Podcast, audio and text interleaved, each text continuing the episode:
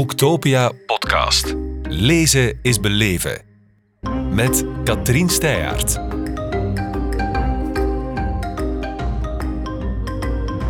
Welkom Ludo Heijlen. Dank u. Je bent hier met je boek De School van je Leven. Voor we daarop ingaan, je bent zelf iemand die al heel lang met onderwijs en pedagogie bezig is. Hè? Absoluut. Ik heb uh, heel mijn carrière in het onderwijs gestaan en ik heb daarvan de laatste 23 jaar uh, bij SEGO gewerkt, Centrum voor Ervaringsgericht Onderwijs, waar ik ook uh, directeur was van het nascholingscentrum. We hebben vorming gegeven aan leerkrachten, directeurs van kinderopvang tot en met hoger onderwijs. Ja. Een rode draad daarin, denk ik, is, ik heb eens over jezelf, over jezelf gehoord, dat je een pedagogisch optimist bent. Absoluut. Wat moet ik daaronder verstaan? Dat je moet geloven in de groeikracht van het kind. En dat is pedagogisch. Maar ik, ik denk dat elke leerkracht de, de plicht heeft, maar ook elke opvoeder, de plicht heeft om te geloven dat het kind kan groeien. En als je een kind vertrouwen geeft, dan krijgt de kind zelfvertrouwen. En vanuit dat zelfvertrouwen gaat de kind groeien. En dus heb je de plicht pedagogisch optimist te zijn, te verwachten dat het kind groeit en kan groeien volgens zijn eigen kunnen. Elk kind is perfect gemaakt zoals het moet gemaakt worden. Elk kind heeft alles meegekregen wat het moet meekrijgen. En wij zijn er om dat groeien te stimuleren. En dan is het heel belangrijk pedagogisch optimist te zijn. We weten dat onze verwachtingen sowieso meespelen in wat er bij het kind gaat gebeuren. Dus is het onze taak van optimistisch te zijn, want als we negatief denken, gaat het kind vaak ook minder goed presteren. Ja, doen we dat dan te weinig, pedagogisch optimistisch zijn? Uh, we, we, hebben de neiging van uh, toch altijd eerder te kijken naar de problemen dan naar de mogelijkheden. En ik denk dat je dat heel duidelijk in het boek voelt, dat we gaan kijken naar mogelijkheden in plaats van naar uh, problemen. En als je naar mogelijkheden kijkt, dan probeer je veel meer dynamiek van kinderen vast te houden. Probeer je veel meer te zien waar je kinderen kan gaan prikkelen en hoe je hen kan doen groeien. In plaats van te kijken, oei, hier is een probleem, oei, daar is een ander probleem omdat leren nu eenmaal gebeurt met vallen en opstaan, is een probleem iets dat je moet aanpakken. Dat, dat, is een signaalwaarde dat je het anders moet gaan doen of op een andere manier moet doen. Maar op zichzelf, probleem is nooit echt een probleem. Het is een signaal dat er iets moet gebeuren. Een kans. Een kans, een opportuniteit, een mogelijkheid, absoluut. Het is duidelijk zaak om de juiste bril op te zetten. Absoluut absoluut. En vandaar pedagogisch optimistisch, vandaar ook op een andere manier kijken. En misschien vandaar ook het boek. ik, ik had het gevoel dat uh, op dit moment men in de maatschappij soms iets te negatief begint te kijken naar kinderen. Te, te, eenzijdig, niet negatief noodzakelijk, maar te eenzijdig naar kinderen. Kinderen worden al heel snel gezien als een uh, economisch product die later een diploma moeten halen. En onderwijs moet dan vooral opleveren naar taal en rekenen en veel minder naar die totale persoon.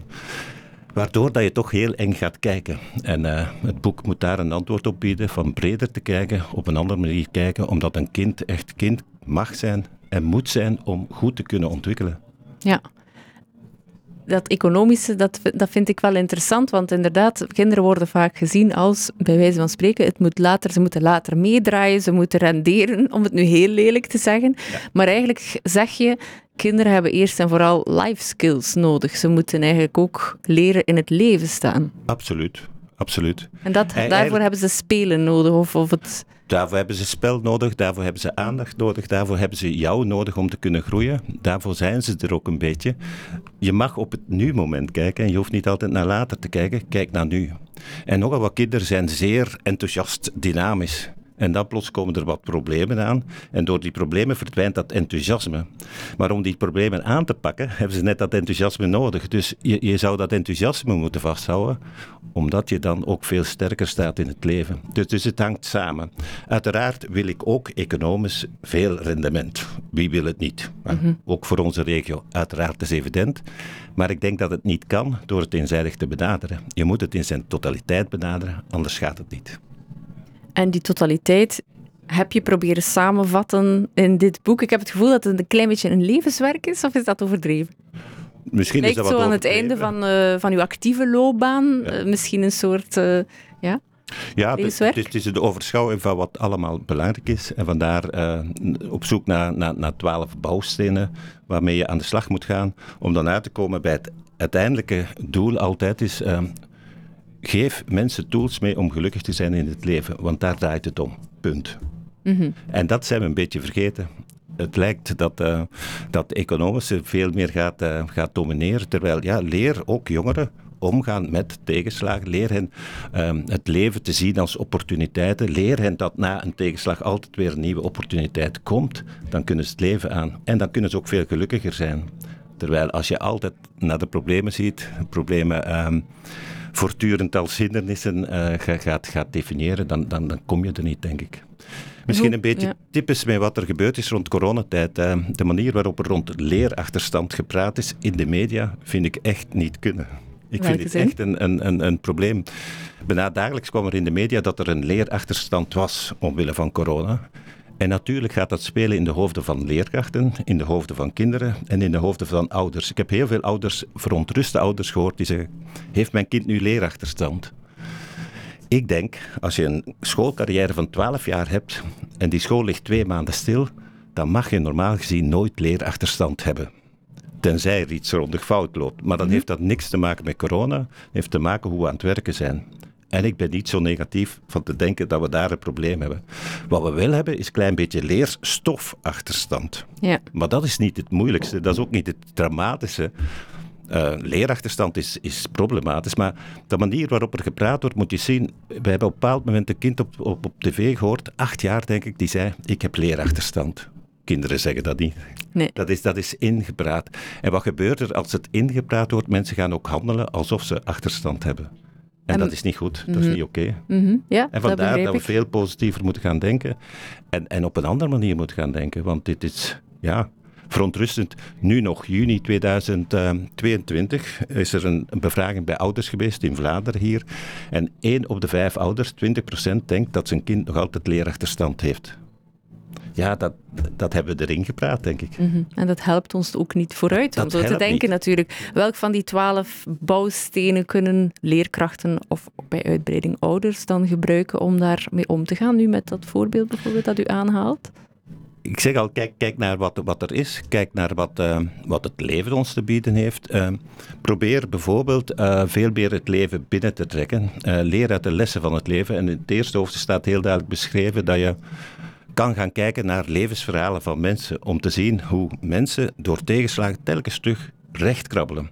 Um, ik, ik heb uh, voor ons congres Peter Genijn uitgenodigd. Je kent die wel, de rolstoelatleet die, uh, die voor ons de Olympische medaille heeft gehaald. Um, maar tot 16 jaar heeft hij normaal geleefd. Is dan in een zwembad gedoken, is uh, verlamd geraakt. En dan zie je hoe hij zijn leven terug opbouwt. Heeft dan in de sport een uitdaging gevonden. Aanvankelijk in de uh, rolstoel rugby, want hij was eigenlijk een gigantische goede rolstoel rugby atleet. Maar ook daar, tegenslag, hij valt, breekt zijn heup, kan eigenlijk die, die rugby niet meer doen en is dan overgeschakeld naar atletiek en komt er altijd de tijd terug door. Hij, hij heeft die energie. En zelfs uh, in, in de laatste Olympische Spelen, net voor, uh, voor die ren van de 100 meters, wordt zijn wieler uh, helemaal gesaboteerd. Maar hij gaat door en hij wint. Mm -hmm. Die veerkracht, die hebben jongeren nodig, denk ik. Die veerkracht hebben we nog nodig. En dat soort verhalen moeten ze horen om te zien, ah, dit is het leven. Zo kunnen we krachtig in het leven staan. Leerkrachten zouden daar veel meer gebruik moeten van maken. Door ze in te, te integreren in de lessen of door zulke personen letterlijk uit te nodigen op school? Letterlijk uitnodigen in de school. Maar ook integreren in de les. Maar letterlijk uitnodigen. Nodig zwangere vrouwen uit, dan zie je hoe het leven ontstaat, hoe het leven groeit. Maar nodig ook een terminaal zieke patiënt uit en praat daarmee. Want het leven, is, hangt, leven en dood hangt samen. Dit is het leven. Zo ga je om met zaken in het leven. Leer hen dat. En dan krijg je veel meer diepgang in wat je aan het doen bent. En dan komt dat rekenen en taal, dat mag erbij aan gekoppeld worden, maar het gaat echt wel over hoe je in het leven kan staan. En dus bijvoorbeeld mensen uitnodigen is een heel krachtig signaal om mensen ook empathie te leren, want door hen uit te nodigen leer je ook de mensen empathisch ja, omgaan met elkaar. Iets wat we in deze maatschappij meer dan ooit nodig hebben, denk ik. Absoluut. Nu, um, ik kan mij, ik ga even advocaat van de duivel spelen. Ik kan me inbeelden dat een leerkracht denkt: ik heb nu al zoveel op mijn bord, moet ik ook nog eens aan al die extra dingen gaan denken, zoals die mensen uitnodigen? Of uh, is dat dan verkeerd gedacht? Dat is verkeerd gedacht. nee, nee, als, als ik ga kijken naar, naar de eindtermen, zo uh, gigantisch veel zijn die niet. Als je gaat kijken wat er echt moet bereikt worden, zo gigantisch veel is dat niet zo mensen uitnodigen, daar gaan ook vragen van kinderen leren vragen stellen, of jongeren leren vragen stellen. Dat, dat, dat zijn taallessen, dat, dat zijn luisteroefeningen, dat zijn uh, oefeningen die, die er echt toe doen, ook voor, uh, voor echt taal te begrijpen, mm-hmm. om, om mensen te begrijpen. Dus in die zin kan het geïntegreerd in je programma, voor een groot deel. En het is zo belangrijk dat, dat ik denk dat je uh, hier keuzes moet maken.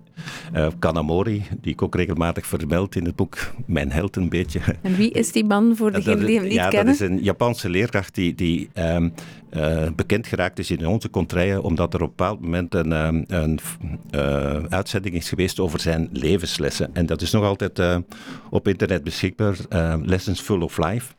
En als je daar naar kijkt, die probeert met zijn kinderen te werken, dat de kinderen echt uh, vriendschappen gaan bouwen met elkaar. Door te praten over ja, hoe ze zich voelen en zo verder. Maar ook door zo'n mensen uit te nodigen en, en daarover te praten. En dan zie je dat die man zegt, ja, in, in Japan is curriculum nog veel, veel mm-hmm. um, dominanter dan bij ons. En dan zegt je, ja, maar het gaat over de echte keuzes maken. Ik koppel elke les aan wat er in het leven gebeurt. En door dat te doen, krijg ik dus veel meer diepgang. En gaan mijn kinderen ook veel makkelijker leren, want ze weten waarover het gaat. Ze weten wat het is. Het heeft betekenis gekregen. Dus het is eigenlijk, de sleutel is eigenlijk integratie. Dus het, het integreren. Ik, ik, lees ook ergens van ja, rekenen. Koppel dat aan de opbrengsten van je schooltuintje, je stadstuintje. Je kan daar manieren verzinnen om, om het eigenlijk. Het komt erop neer om het allemaal levensechter te maken. Als je dat doet, hè, zoals die leerkracht in Rotslaar die dat doet, hè, die heeft, die heeft uh, ja, een schooltuintje waar hij konijnen kweekt. En hij, hij, hij, hij, gaat die konijntjes elke week wegen met de klas. En dan gaat hij, hoeveel zijn ze zwaarder geworden? Dan gaat hij ook de prijs berekenen en zo verder. Dus die, die, die maakt alles wat, ook, ook het voedsel gaat die afwegen, gaat dan zien waar het goedkoopst is, gaat, gaat procent berekenen, al dat soort toestanden bouwt hij aan iets zeer concreets, waardoor dat die kinderen ook weten, die hebben daar een beeld bij. Procenten is niet iets vaag, dat is iets, iets ah, zo doen we dat met die konijntjes, dus die weten met wat ze bezig zijn, waardoor het eigenlijk veel makkelijker te onthouden is voor kinderen, omdat het betekenis heeft. Mm Hij doet dat ook met de prei.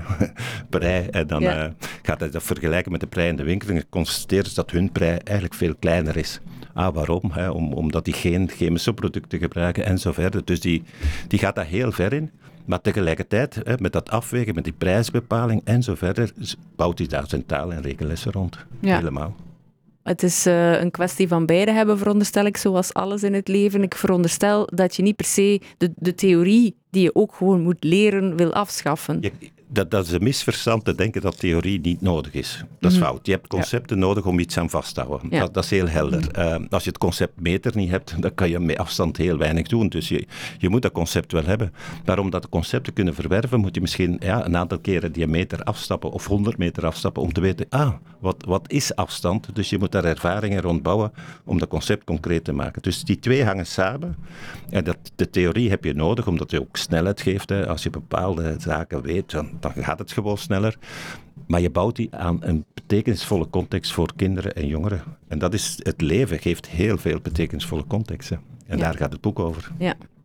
Hoe hoop je dat het boek gebruikt wordt? Wat is het ideale scenario voor jou? Ja, ik, ik heb al veel boeken geschreven die eerder didactisch waren. En dan zie je, ja, dat is bijna uh, een handboek. Dit kan je doen in de klas. Dit is eigenlijk eerder een reflectieboek waar je gaat nadenken over, uh, leg ik de juiste klemtonen? Ik heb uh, redelijk veel groepen gehad waarmee ik die levenslessen van Kanamori, waar ik daar straks naar verwees, besproken heb. En een opvallende vaststelling daar is dat mensen zo geraakt waren door die beelden, door heel de context rond, dat ze zeiden, ik, ik, uh, ik wil nu veel bewuster keuzes maken als leerkracht. Er zijn mensen, uh, directies die uit het directieambt gestapt zijn en zeggen, kijk, als dit het leven is, ik, ik, en dit kan met kinderen, dan wil ik dit gaan doen en ik wil geen directeur meer zijn, want dat is niet wat ik wil. Men gaat veel bewuster nadenken over wat men aan het doen is en hoe men zaken doet. En dit is, dit is een boek om echt mensen aan het denken te zetten te denken over de terminologie die men gebruikt. Is het wel nog verstandig in 2022 te praten over leerachterstand? Moet je dat doen? Mm -hmm. Want daar gebeurt iets in de hoofden van kinderen. Is het verstandig over gemiddelden te praten? Is dat allemaal nog verstandig vandaag de dag? Of moeten we dan niet? Moeten we niet naar een andere terminologie? Dat soort vragen roep ik op.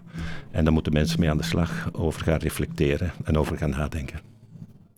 Ik wens het u toe. Ik hoop dat er hier heel veel mensen alvast vandaag rondlopen. Het is Leerkrachtendag, dus je doelpubliek is hier. En uh, laat het dan nog maar veel verder verspreiden, want het is een hele mooie filosofie. Dankjewel, Ludo Heilen. Dank u wel. Boektopia podcast. Lezen is beleven. Beluister ook de andere podcasts live opgenomen op Boektopia 2022. Nu via je favoriete podcast-app.